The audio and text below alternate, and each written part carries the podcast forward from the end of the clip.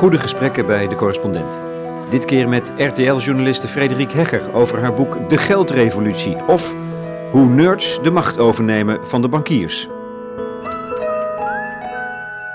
Toen ik vroeg op de middelbare school zat, had je allemaal groepjes. Weet je wel, het uh, groepje um, alto's of je had een groepje ehm, mensen met polo's aan. En zo had je allemaal groepjes, niet eens zozeer kleding, maar gewoon clubjes. En je ging elke pauze ging je dan weer bij je eigen clubje zitten. En op een gegeven moment was ik een jaar 15, 16 of zo. En toen dacht ik, wat een onzin eigenlijk. Ik ga deze pauze, ga ik bij iemand anders zitten. En dat vond mijn groepje heel raar. En dat vond het andere groepje in het begin ook een beetje vreemd, maar op een gegeven moment wel gezellig. Uh, en, en, nu ben ik volwassen en ik zie eigenlijk nog steeds uh, groepjes. Ik zie dat veel journalisten toch ook best wel veel blijven hangen bij de economen of de bankiers. En denken bij de activisten bijvoorbeeld, ja, een beetje, een beetje gekke mensen. En de activisten die denken bij de bankiers bijvoorbeeld, nou die zijn echt, uh, dat zijn de machthebbers, uh, die uh, zijn per definitie, dat zijn per definitie slechte mensen. Um, en dan heb je nog de NGO's en de groene clubs en de ontwikkelingsclubs. En, de, en die zitten allemaal bij hun eigen congresjes en hun eigen dingetjes. En die praten niet zo heel veel met elkaar. En als ze dan met elkaar hebben gepraat, dan ik, nou, een beetje gekke mensen. En volgens mij, dat, daar, dat, dat vind ik zo jammer. Uh, dus dacht ik voor mijn boek ook, want in die, bij de, het hele debat over de toekomst van de financiële sector heb je en de bankiers, die zijn nog steeds relevant, of de activisten nou willen of niet. Dan heb je die nieuwe ondernemers, uh, die worden relevant. De vraag is hoe relevant. Maar je hebt ook gewoon activisten die, uh, die uh, voor allerlei gebouwen hebben geslapen. Dat doen ze niet allemaal. of die um, heel slim in, zijn in IT en dan misschien wel een heel belangrijk muntje gaan bedenken. Die dan uiteindelijk, gek genoeg, ook weer door bankiers interessant gevonden worden. En ik dacht, ik wil eigenlijk al die groepjes in mijn boek. En de grappen ze waren ook allemaal bij mijn boekpresentatie. en dat was heel leuk. Dus je had een aantal jonge bankiers, je had een aantal ondernemers. Je had echt een, een bankier die, uh, die, die, echt wel wat, wat macht en, en, en ja. in, uh, wat inspraak heeft bij ING. Uh, en je had activisten die daarna zeiden, ja, die bankiers, huh, huh, huh. en de bankiers en nou, die activisten.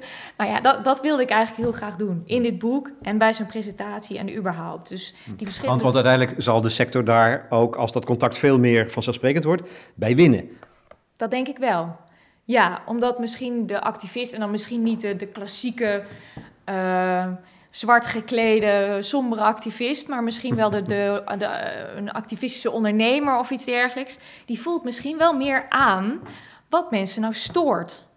Uh, zeker in een internetwereld. Uh, mensen delen dat met elkaar, zijn ook echt ontevreden. Een bankier zegt van Kickstarter of een crowdfunding-platform misschien wel al wat schattig.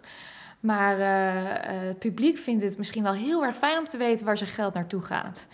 Ik denk dat, en, en, en, dan zie je dat crowdfunding steeds groter wordt. En dan denkt de bankier misschien wel van ja, misschien moeten we daar, kunnen we daar wel wat van leren. Ja.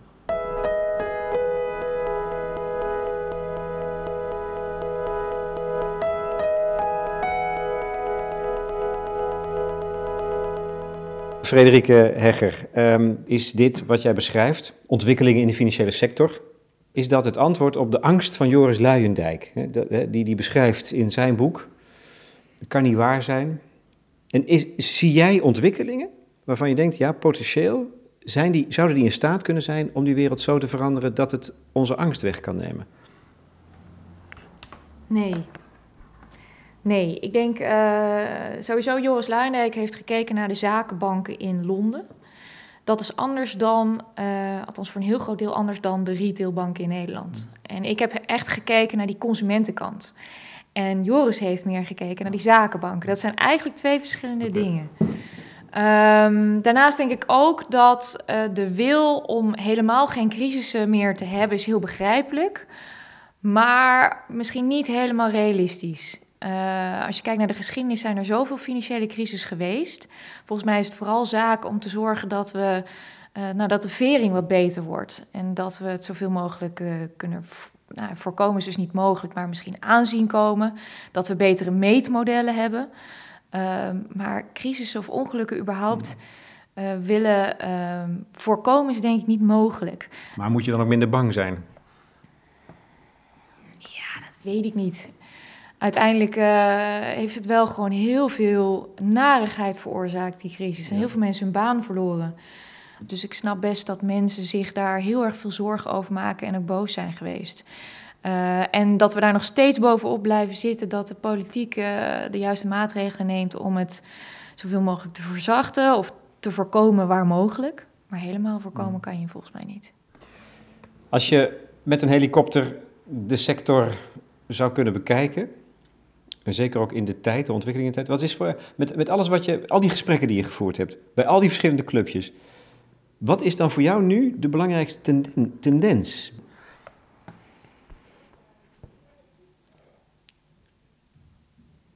Ik denk dat eentje is decentralisering. Um, je hebt nu uh, allerlei technologieën die ervoor zorgen dat er tussenstappen weg worden gehaald. Um, ik denk dat crowdfunding daar wel een, een simpel voorbeeld van is. Dat je gewoon SEC hebt, de investeerder en de ondernemer. En er zit een, ja, een technologie, een website tussen, een platform die zelf geen risico draagt. Um, uh, en, die, en die verstrekken elkaar geld. De een verstrekt de ander geld. Um, Bitcoin is daar ook een voorbeeld van. Dat is een technologie die ervoor zorgt dat je geen bank meer nodig hebt om elkaar geld over te maken. Of je dat ook wil, is een tweede. Maar um, er zijn er steeds meer technologieën en ondernemers die zeggen: ja, maar als je dit stukje technologie gebruikt of als je kijkt naar dit businessmodel, dan heb je een tussenstap niet meer nodig. En dat kan soms een bank zijn uh, of een andere financiële instelling. Uh, en dat zorgt denk ik ook wel voor fragmentatie. Dus uh, wat meer clubs doen wat eerst alleen de banken deden. Um, en dat is wel interessant. En het is nu nog een beetje aan de randen. Maar je ziet uh, zowel bankiers als die, als die nieuwe ondernemers zeggen van ja, maar je moet wel. Het, het wordt wel groter. Uh, er is nu ook een. een rap, wordt het rap groter ook in termen van investeren, geld dat er omgaat. Klein beginnen, ja, maar oké, hoe snel gaat het eigenlijk? Nu? Um, nou, ja, crowdfunding is voor een, voor een bankier nog hmm. echt uh, zo klein als een pepernoot, zei ook een ondernemer tegen mij. Nou, dat is ook wel echt zo. Uh, maar, uh, en het gaat ook nu nog over bedrijfskredieten, hè, het MKB. Nou, de, die krijgen sowieso al een beetje nee te horen van de bank. Dus daar denkt de bankier ook wel van, nou, dat is eigenlijk wel relaxed. Dan heeft hij toch nog die lening die wij niet kunnen verstrekken, want het kost ons te veel geld. Maar er is nu ook bijvoorbeeld een start-up in Nederland... die gaat met crowdfunding van hypotheken bezig. Uh, die is nog maar net begonnen. Um, volgens mij is er nog zo'n start-up uh, die wordt nu opgebouwd. Uh, hypotheken, mm. dat is mhm. wel echt een, een, een dingetje. Uh, daar verdient de bank wel echt geld aan. Ja, die is net begonnen, dus we weten niet hoe hard dat gaat. Maar de, ook crowdfunding op zich, ook al is het klein, het gaat echt heel hard in de stijgende lijn. Het zat vorig jaar op 78 miljoen, komt dit jaar weer op een verdubbeling. Nou, als die verdubbeling een hele tijd doorzet, dan heb je op een gegeven moment wel een grote club te pakken. Ja, dat is interessant. Zo nadat uh, de grote eh, ABN-bank eh, verkocht is, of weer opnieuw verkocht is, om dan eens te praten over de toekomst van die bank. Wat is eigenlijk die toekomst van die bank en hoe leeft dat daar? Je kan niet ontkennen dat, dat, dat daar aan de poten wordt gezaagd, toch? Daar zijn ze zelf ook niet meer van overtuigd, volgens mij. Nee, nee. Ja, als één term in één keer nu wel echt leeft binnen die bankensector, dan is het fintech. Uh, nu gaat het zelfs de kant op dat ik denk, ja, ja, ja, jongens. Dat ze zelf ook gaan zeggen, ja, we zijn ook heel veel mee bezig. Wat ook echt zo is hoor. Ze, investeren ook heel veel in IT. Uh, je moet je voorstellen, want dat is wel even belangrijk om te weten. Banken werken nog met heel veel oude IT-systemen. En zij noemen dat legacy. Uh, dus een van de experts, uh, IT-experts in mijn boek, die legt het uit van ja, moet je voorstellen dat je 30 jaar geleden bent begonnen met een uh, klein huisje. En nou, toen kreeg je een kind, dus toen heb je nog een serre aangebouwd voor de ruimte. En dan heb je nog een dakkapel erbovenop gezet. En op een gegeven moment kwamen je ouders dan ook bij wonen. Dus toen kwam er nog een schuur bij. En toen moet je eigenlijk nog een verdieping erbovenop. En voordat je het sta je 30 jaar verderop. Of daarna kijk je naar het huis en denk je... Shit, dit is echt heel erg onpraktisch. Uh, en op dat moment komt er een idee-nerd, die komt daarnaast aan die zegt, nou, ik begin lekker opnieuw. Ik ben nu in de nieuwe tijd met andere technologie. Ik weet exact wat de consument wil en die wil dit huis niet. Ik ga opnieuw beginnen. Dus daar uh, uh, zitten de banken echt mee. Dus die moeten eerst eigenlijk een soort opschoonsessie doen. Dan heb je ook nog dat die, dat die IT'ers pakken eigenlijk allemaal... eh, het zijn niet allemaal IT-ondernemers overigens, maar wel veel... Eh, die pakken allemaal één stukje van de bank. Een bankier eh, doet heel veel verschillende zaken, bijvoorbeeld kredietverlening, betalingsverkeer en dergelijke. En zo'n ondernemer pakt elke keer één stukje, ofwel kredietverlening of betalingsverkeer. En die denkt, dat ga ik echt heel erg goed doen. En helemaal passend bij de consument. En dat schudt de banken op zijn minst wakker. Dat, ik, ik sprak laatst ook met een eh, vrij eh, ehm, belangrijke dame bij ING. Die zei, ja, eigenlijk wat wij hebben laten zitten, pakken zij op. Daar zit ook echt de concentratie van die nieuwe ondernemers. Nou, en als zij dat al zeggen, dan is dat ook echt zo, denk ik. Eh punt is alleen, eh, in het betalingsverkeer zitten bijvoorbeeld heel veel nieuwe ondernemers. Maar betalingsverkeer is niet de groot cash cow van de banken. Eh, dat Want het zit bij die anderen die sparen, hypotheken en kredieten. Juist. Dat zit hem in kredietverlening. Ik denk dat dat hypothekenverhaal, daar ben ik echt benieuwd naar waar dat naartoe gaat. En of dat pijn gaat doen. Dat kan ik me wel wat bij voorstellen. Goed, ze zijn wel bezig met allerlei mogelijke rollen, toch? Adviseur, Ja. koppelaar. Ja, Ik las ergens het zinnetje dat, je, dat ze bezig zijn met nadenken over of, je, of ze consumenten een sms'je moeten toesturen of een berichtje. hey, we zien dat je onderweg bent naar winkels. Ja. Heb je ook hier aan gedacht? ja. Daar, daar, schrik ik me, daar schrik ik wel een beetje van hoor. Ja, Ja, heb jij dat ook daar? Nou, dat was, dat was een bijzondere uitspraak. Eh, omdat eigenlijk het hele dataverhaal en privacyverhaal ligt... eh, dat zijn we bij andere bedrijven, vinden we dat nog wel oké. Maar bij banken vinden we dat ehm, moeilijker. Want die weten al zoveel, zeg maar, qua waar je shopt en zo. Eh, dus dat ligt ontzettend gevoelig. Dus ehm, toen dat werd gezegd, toen dacht ik, oh ja... Maar ja, daar, daar wordt echt aan gedacht. het is al geprobeerd natuurlijk en heel gauw teruggefloten. Ja, precies. Eh, maar, maar ja, het speelt nog steeds. Nou ja, data. Eh, wat gaan ze met je data doen? Ik denk echt dat het... Je kan even wachten en dan is het weer terug op de agenda. En dan komt het er misschien wel doorheen. Eh, en dat moeten we kritisch blijven volgen. Maar inderdaad, je zag ook de Rabobank is natuurlijk typisch een bank. Die zat eerst op elke hoek van de straat. Dat zitten ze nu sowieso al niet meer. Eh, maar ja, dat was dat. Het hele principe van de coöperatieve bank, van al die kleine bankjes. Als we onze bank gewoon op de app hebben, wat, waarom zou je dan nog een coöperatieve bank willen? En dan zegt eh, wie bedrijf zegt, ja, maar we blijven natuurlijk wel. En dan misschien als een adviseur met een vlag in de tuin. Hmm. Ik denk van ja, dat weet ik niet. Dat is prettig voor mijn moeder misschien, of ik denk eigenlijk mijn oma. Maar uiteindelijk is dat denk ik niet de toekomst van de bank. Eh, en daar zie je ze ook wel mee worstelen. Daar zag je hem ook wel een beetje mee Hmm. worstelen. Je zegt wel, dat is niet de toekomst van de bank. Maar daarmee impliceer je niet dat je wel weet wat wel de toekomst van de bank is? Ja, dat vind ik dus heel lastig, Ja, hè? ja, ja. Ja, de toekomst van de bank is sowieso digitaal. Dus dat betekent dat de fysieke bank, waar ik het over had bij de Rabobank, gewoon irrelevant is of verdwijnt. Eh, dus dat weten we. Maar eh, vraag mij, is de bank er over twintig jaar niet meer? Ja, dat durf ik echt niet te zeggen. Weet je, twintig jaar geleden stuurde ik nog geen e-mail. Eh, er kan zoveel veranderen in zo'n korte tijd. Dus daar, Kleiner? Kleiner? Veel kleiner? dat zou heel goed kunnen. Maar vergeet niet, door digitalisering en internet hebben we ook in één keer hele grote centrale partijen erbij gekregen. Eh, zoals een Google en een Facebook. Ehm, dus het, het, kan, het kan zo zijn dat het eh, veel gefragmenteerder wordt. Eh, maar het kan ook zo zijn dat we, dan, dat we dan nog steeds grote clubs hebben. Ik vind dat ehm, eh, heel moeilijk in te schatten. Het enige wat je kan zeggen is dat er nu eh, echt veel clubs aan de poort staan bij banken. Dat ze dat zelf spannend vinden. Blijkt ook uit alle enquêtes en de investeringen die ze nu doen. En dat die start-ups er echt wel zin in hebben om een paar taken over te nemen.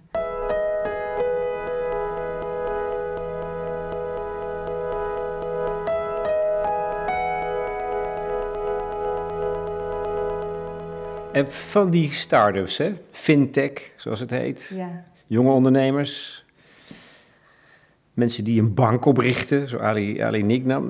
Wie vond je daar nou eigenlijk het meest sprankelend? Of dat je denkt van zo, daar ga ik mee? Of zijn die er? Of de- heb je Ja. ze zelf ook met argusogen be- bekeken? Ja, je doet, moet alle twee doen, denk ik. Want we zijn zo vol met start-ups, zeg maar, eh, vol van start-ups moet ik zeggen. Oh, misschien ook met, ik weet het niet. Maar uh, de start-up is wel echt zo'n zo'n woord geworden waar we met z'n allen maar uh, mee rondstrooien. en dat terwijl natuurlijk een heel groot deel van de start-ups het uiteindelijk niet redt. Dat als kanttekening. Ehm, ik vind Ali Nicknam wel echt een, een, het voorbeeld, zou ik bijna kunnen zeggen. Ali Nicknam is een nieuwe bankier op sneakers, letterlijk. Um, of hij het gaat redden of niet, dat weten we natuurlijk niet. Maar hij is wel echt iemand die tijdens de crisis heeft gekeken uh, naar die banken en dacht: potverdorie, ik als IT-ondernemer kan een stuk van wat zij doen echt veel beter. Um, hij heeft alleen maar eigen geld geïnvesteerd. Uh, hij is, daarvoor was hij eigenaar van TransIP. Uh, ik weet het bedrag niet uit mijn hoofd, maar dat loopt in de miljoenen, kan je je zo voorstellen om een bank te kunnen oprichten. En dan moet je echt door een hele muur van DNB-procedures. Want een, een, echte klassieke bankvergunning, uh, nou, dat was volgens mij tien jaar geleden dat dat voor het laatst uh, gebeurde. Uh, en dan ben je dus IT-ondernemer van, wat is hij, 32, um, die ook wel wat, wat oude rot uit de sector zeg maar mee heeft genomen, omdat het nou eenmaal ook moet en omdat die kennis belangrijk is. En, uh, en hij is daar nu mee bezig. Uh, heeft dus nu de, de app Bunk. Um, en die zit nog in de beta-fase. En daar is volgens mij nog wel wat op af te dingen. En hij is nog allemaal in ontwikkeling. Maar hij is wel echt zo'n voorbeeld van iemand die zegt: Nou, volgens mij kan en het hele IT-verhaal hier beter. Hmm. En de klantenservice kan beter. En de millennial wordt door de bankier niet bediend. Dat moet beter. En, uh, en maar gaat hij, dan, hij gaat dan bank een bank zijn. Hij wordt een bank, dat krijgt hij vast voor elkaar. Maar is het dan een andere bank, een fundamenteel andere bank? Wat hij wil, wat hij beoogt? Ik denk wat hij beoogt wel. Um, ik denk dat hij uh, bankieren of betalen met name wel een stuk leuker, gebruiksvriendelijker en meer voor jonge mensen wil maken. Ja, of het daardoor ook allemaal beter wordt. Of dat, of dat dan in de kern helemaal anders wordt. Dat weet ik niet. Daar moet je ook wel weer een onderscheid in maken. Er is een, is een uh, finance blogger die zegt: we hebben rappers, replacers en transformers. En de rappers die zitten uh, als het ware om die bankiersinfrastructuur heen. Dus betalen via Facebook, uh, Google Wallet, betalen met je iPhone. Dat is, we maken nog steeds gebruik van die bank, de bankinfrastructuur, maar de etalage wordt anders heel belangrijk voor de bank. Ook alsnog. Dat je etalage, dat je zelf die etalage niet meer hebt. Dan heb je de replacers. Die nemen echt een taak van banken over. Uh, dat kan kredietverstrekkers zijn. En je hebt de transformers. En dat is, we gaan echt een stukje van dat financiële systeem uh, veranderen. En dan zit je eerder in de Bitcoin-hoek te denken. Um, dat zijn de, de, fundamentele veranderingen. Dat zijn de fundamentele veranderingen. Uh, ja, die... De manier waarop het georganiseerd is, eigenlijk de structuur van de sector. Ja, precies. Uh, en het is nog heel moeilijk in te schatten hoe ver dat zal gaan. Maar je ziet wel dat zowel uh, bankiers als ondernemers die technologie achter Bitcoin wel heel erg interessant vinden. Misschien zo nog even over Bitcoin. Mm -hmm. Nog even bij die onder ondernemers blijven. Veel initiatieven zijn erop gericht om de bank gewoon te passeren, toch? Consumenten onderling. Dat is een van de belangrijkste uh, tendensen die ik dan zie. Niet, de bank, niet de bank nodig hebben, dus je geld naar de bank stuurt, die stuurt het door. Nee, wij kunnen geld naar elkaar overmaken zonder... Peer-to-peer. Ja, dat ja, klopt. Dat is... Nou ja, dat is, dat is wat bitcoin in essentie is. Het is bankloos betalen. Ja.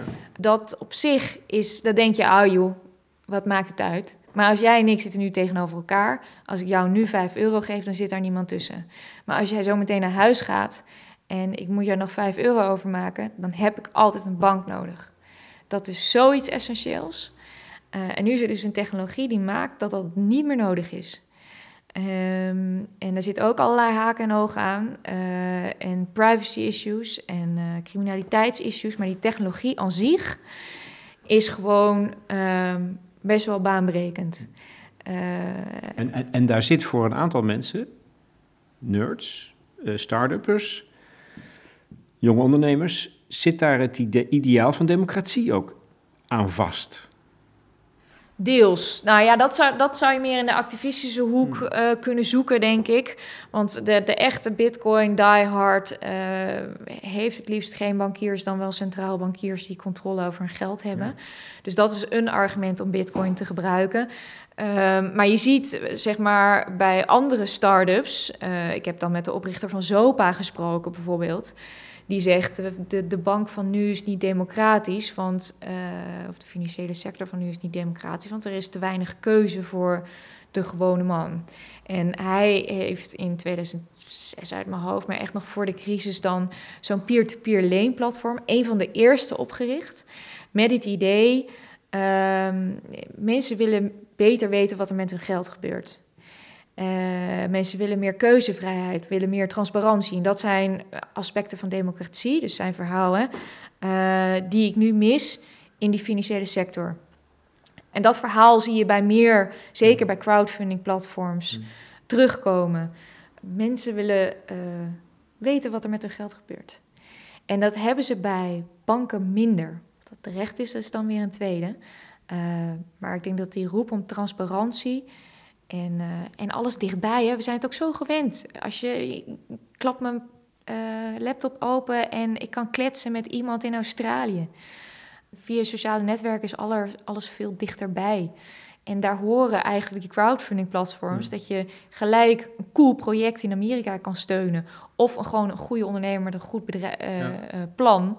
Dat hoort daar gewoon bij. Ja. Allemaal vormen van decentralisatie natuurlijk. Ja, ook. Ja. En transparantie. En uh, dat het allemaal wat socialer wordt misschien wel. Hmm. En misschien dat in, daar in het begin een beetje lacherig over werd gedaan... maar ik denk stiekem dat heel veel mensen dat heel prettig vinden... Er zitten heel veel idealisten bij, bij de jonge ondernemers, start-ups. Mm. Zie jij nou ook dat die idealen in de loop van de jaren en de processen verdwijnen of stand houden? Ja, soms verdwijnen ze wel, ja. Um, kijk, het, is echt, het zijn geen non-profit organisaties, hè, die ondernemers. Dus geld verdienen is überhaupt ook wel een van de doelen, ook in het begin. Um, maar ik heb expres een niet-startup in mijn boek gezet, namelijk PayPal. En uh, zij zijn echt super idealistisch begonnen. Dus echt, we gaan uh, de macht teruggeven aan de gewone mensen, wegnemen bij de bankiers en de centraalbankiers. Echt, als je dat terugleest, de speeches bij die eerste jaren, dan denk je zo, die wilde echt iets totaal anders gaan brengen. Maar als je nu kijkt op de website van PayPal, dan staat er iets in de zin van: uh, Nou, ik ben lekker lui, dus ik gebruik PayPal, want dat is lekker makkelijk. Ja, dat is dan wat. Uh, ja, dus soms beginnen mensen heel idealistisch. En merken ze ook wel van ja, maar uiteindelijk willen mensen gewoon gebruiksgemak, bijvoorbeeld. En, en zelf geld verdienen. Ja, dat is niet per se nee. slecht, hè? Want geld verdienen betekent ja, maar ten ook... koste van je idealen misschien. Misschien, ja. Uh, misschien wel.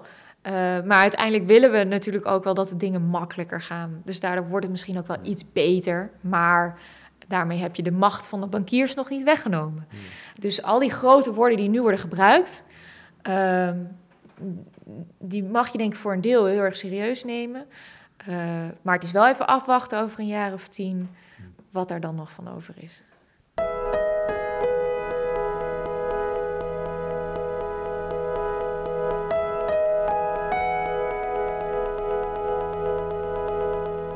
Het derde en laatste thema is de bitcoin. Die valuta die op internet geldig is, zou je kunnen zeggen. Digitale munt. Mm. Uh, cryptocurrency wordt het ook wel genoemd, met daarachter de technologie, die heet blockchain. Wat voor sommige mensen nog interessanter is dan die munt zelf. Voor mij is het science fiction. Ja, dat snap ik. Um, dat is het voor jou niet, nu je erin verdiept hebt? Nee, uh, ja, dat hoorde je bij de, mijn boekpresentatie ook. Er zaten heel veel mensen die hoorden voor het eerst over bitcoin ja. en die technologie daarachter. Die zeiden, ja, maar dat gaat, ik snap er niks van, het is bijna... Hoe, maar... werk, hoe werkt dat dan? Ja. Bijvoorbeeld, zoiets simpels. Zoiets simpels. Nou, dat is eigenlijk wat ik net vertelde, van waar we eerst de bank nodig hadden. Dat daar eigenlijk een soort systeem zit die doet wat de bank eerder deed. En dat systeem is van niemand. Dit is eigenlijk een beetje zoals het internet. Het is een open platform. Het is, een, een, nou ja, het is eigenlijk drie dingen. Het is een peer-to-peer netwerk. Ehm, het is uh, cryptograf cryptografie, waardoor dingen versleuteld kunnen worden verstuurd. En het is een gezamenlijk register van eigendom.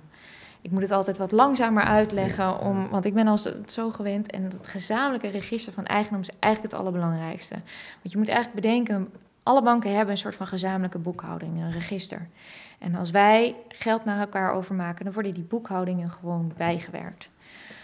Um, Iemand moet het toch doen. Je moet weten hoeveel geld ik nog steeds op mijn rekening heb staan. Ja, maar dat is ook gewoon, dat is ook gewoon computergestuurd, zeg maar. Uh, maar dat register is wel uh, van de bank en er zit dan weer een partij tussen. En wat blockchain is, is gewoon een gezamenlijk register van iedereen. Daar staat gewoon op, uh, deze euro is van Lex, deze euro is van Frederik. En denk je, euro's, we hadden toch over bitcoins? Ja, maar het kunnen bitcoins zijn, maar ook euro's of aandelen of contracten of wat dan ook, eh, waar jij wil dat er van duidelijk is dat van jou is. Um, Want dan is het ook te verhandelen, te verdelen, te, te redistribueren. Ja, eigenlijk te verplaatsen, maar in feite verplaatst het niet alleen het eigendom verplaatst. Ja, ja nee, dat is, dat is... En dat biedt duizelingwekkende mogelijkheden, of denken mensen. Ja, het is wel de vraag, wil je dat voor alles? Want het is dus een open transactieplatform. Um, wat wil zeggen dat transacties openbaar zijn. Niet altijd waar het vandaan komt. Dat is wat ook overheden lastig vinden hè, bij die transacties van Bitcoin. Ze weten soms niet waar die Bitcoins vandaan komen, uh, waardoor er ook criminaliteit uh, een, een, factor speelt. Uh, maar de transacties zijn wel openbaar. Maar iedereen weet dus als ik jou 5 euro zou betalen, waar dan ook voor, dat dat zo is? Niet iedereen natuurlijk, want niet iedereen ziet zo'n register en weet wat dat betekent. Ja, ja. uh, maar de IT-nerd in principe wel. Um, dus uh, dat is lastig. Dus je moet met elkaar bedenken, uh, voor welke toepassingen zou dit nou nuttig zijn? ik zeg maar iets, um, een handelsketen. Misschien wil je wel ergens vastleggen waar transacties of tussen wie transacties hebben plaatsgevonden. Uh, en dat je zeker weet dat je diamant niet van een rare handelaar of een fout persoon vandaan komt. Uh, dat is een toepassing. Je hebt ook blockchains, zo heet dat register dan, die deels gesloten zijn. Dus daar kijken banken nu naar. Die, die hebben heel veel onderling betalingsverkeer. En die denken, als we dat nou doen via die blockchain, aparte uh, ontworpen blockchain zou je kunnen zeggen, dan zijn wij veel minder geld kwijt aan onderlinge transactiekosten, aan al die partijen die er weer tussen zitten. Dus er zijn eigenlijk heel veel mogelijkheden, maar het komt eigenlijk gewoon op neer. We hebben hier een gezamenlijke boekhouding. En dan kan je ook nog kijken naar wanneer stellen we die helemaal open en wanneer niet. Hmm. Er zijn activisten natuurlijk ook weer kritisch over. Zeggen ja, maar een deels gesloten boekhouding, dat is natuurlijk niet wat wij gedacht hadden. Het is juist dat open karakter, dat decentrale karakter, misschien het bankloze karakter, wat ons ideaal is. En niet dat die banken nu in één keer meer winst kunnen maken, want daar gaat het over, dankzij die technologie. Maar goed, dat is, dat is wat innovatie doet. Iedereen pakt er zijn stukje uit die het meest relevant is. En uiteindelijk heb je daar als consument, uh, als je het wat commerciële bekijkt, misschien ook wel gewoon wat aan, want dan gaat het betalingsverkeer weer wat sneller. Ja. Ja, je ziet meteen huizenhoog twee, eh, twee issues opduiken die ook van deze tijd zijn. En die, dat, dat gaat dan natuurlijk meteen ook als koppel uh, privacy en veiligheid. Die zijn aan elkaar gekoppeld. Dat zijn natuurlijk ook kwesties die, die, zijn nog niet op, die zijn nog niet opgelost, denk ik. Maar ik begreep uit je boek dat bijvoorbeeld IBM zich ermee gaat bemoeien. Dus serieuze partners die precies over dat soort dingen gaan nadenken. Ja, je ziet nu heel veel verschillende initiatieven. Je ziet banken, uh, echt grote internationale banken bij elkaar gaan zitten. Hoe kunnen we deze technologie gebruiken voor betalingsverkeer? Eh, IBM kijkt eigenlijk naar hetzelfde. Dus er zijn wel echt gevestigde clubs naar aan het kijken... Uh, die echt niet zoiets gaan gebruiken als het hartstikke onveilig is. Um, daar zijn ook nog allerlei procedures voor. Dus qua veiligheid, ja, je, weet het natuurlijk nooit. Maar als het eenmaal wordt gebruikt, dan kan je er denk ik wel van uitgaan. Dat is moeilijk om te zeggen. kan je er denk ik wel van uitgaan dat het oké is. Privacy-wise, een bank zal nooit uh, informatie gaan vrijgeven die hij niet wil vrijgeven. Um, dus bedrijfsgevoelige informatie, Ik denk ook niet dat ze zomaar transacties van jou en mij zeg maar, op een openbaar register zetten. Dus daar moeten echt keuzes in worden gemaakt. Dat zal dan misschien deels gesloten zijn. En... Maar niemand, nie, intussen twijfelt niemand er meer aan dat, dat die technologie, eigenlijk de achterliggende technologie, mhm. dat die potentie heeft. Nee, daar twijfelt echt, althans, ik heb nog niemand ontmoet die ja. daaraan twijfelt. Behalve dan mensen die er nog niet echt over hebben gelezen. Maar nog even eh, qua, qua privacy. Het is natuurlijk wel Bitcoin als munt. Dat, is, dat is nog wel een ding. Want bijvoorbeeld was Interpol het laatste een rapportje dat 40% van de transacties tussen internetcriminelen um, is uh, met Bitcoin. Dat is natuurlijk niet alle transacties, want zij volgen niet alle transacties, maar alle door hun waargenomen transacties. Het betaalmiddel van de onderwereld is het dan? Ook, ja, zo is het wel begonnen natuurlijk. Er werden eerst wapens meegekocht. Dus het is ook, zeg maar, dat stukje van de technologie. Dus dat is niet per se, ja, het is wel, wel verbonden aan de blockchain. Mm. Maar dat muntje, de bitcoin, dat is nog steeds, je ziet nu ook dat uh, toezicht op bitcoin wordt verscherpt sinds de aanslagen in Parijs. Hmm. Dus alles wat meer privacy biedt, maar daardoor ook aantrekkelijker is voor criminelen, dat is wel een lastig iets voor toezichthouders. Dat wil niet zeggen, denk ik, dat je het in één keer over de schutting moet gooien. Of dat je dan moet zeggen, dan is al die technologie maar slecht. Uh, dat, uh, dat, dat, zie je uh, gelukkig niet. Ehm, maar er is dus ook een donkere kant. Ja. En die moet ook in de gaten worden gehouden. Dus er zijn eigenlijk twee kanten. Ja, ik vind het nog steeds ongrijpbaar dat het ene muntje, bitcoin geheten, maar er zijn ook andere varianten, dat die van tussen de vijf en de duizend dollar waard kan zijn, want dat die waarde dan heel erg kan schommelen. dat, is echt oude economie, hè? Oké, ja. Ja, maar dat vind ik dus, ja, iedereen heeft het altijd over die koers. Uh, meestal is het vraag 2, dus ik ben heel erg blij dat het even de laatste vraag is.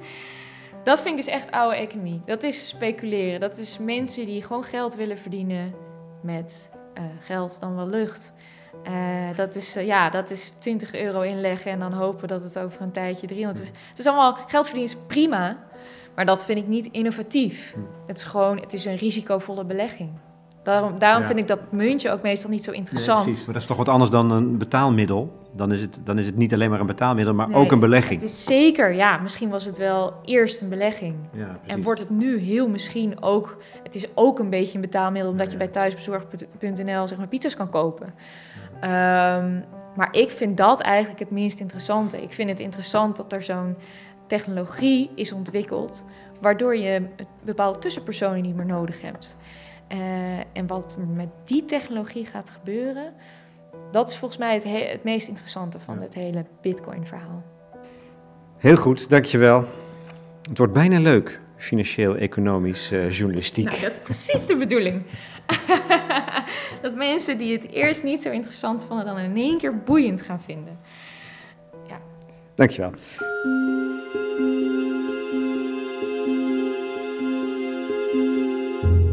Frederike Hegger in gesprek met Lex Bolmeijer voor de correspondent over haar boek De Geldrevolutie. Boordevol, nou, inspirerende interviews.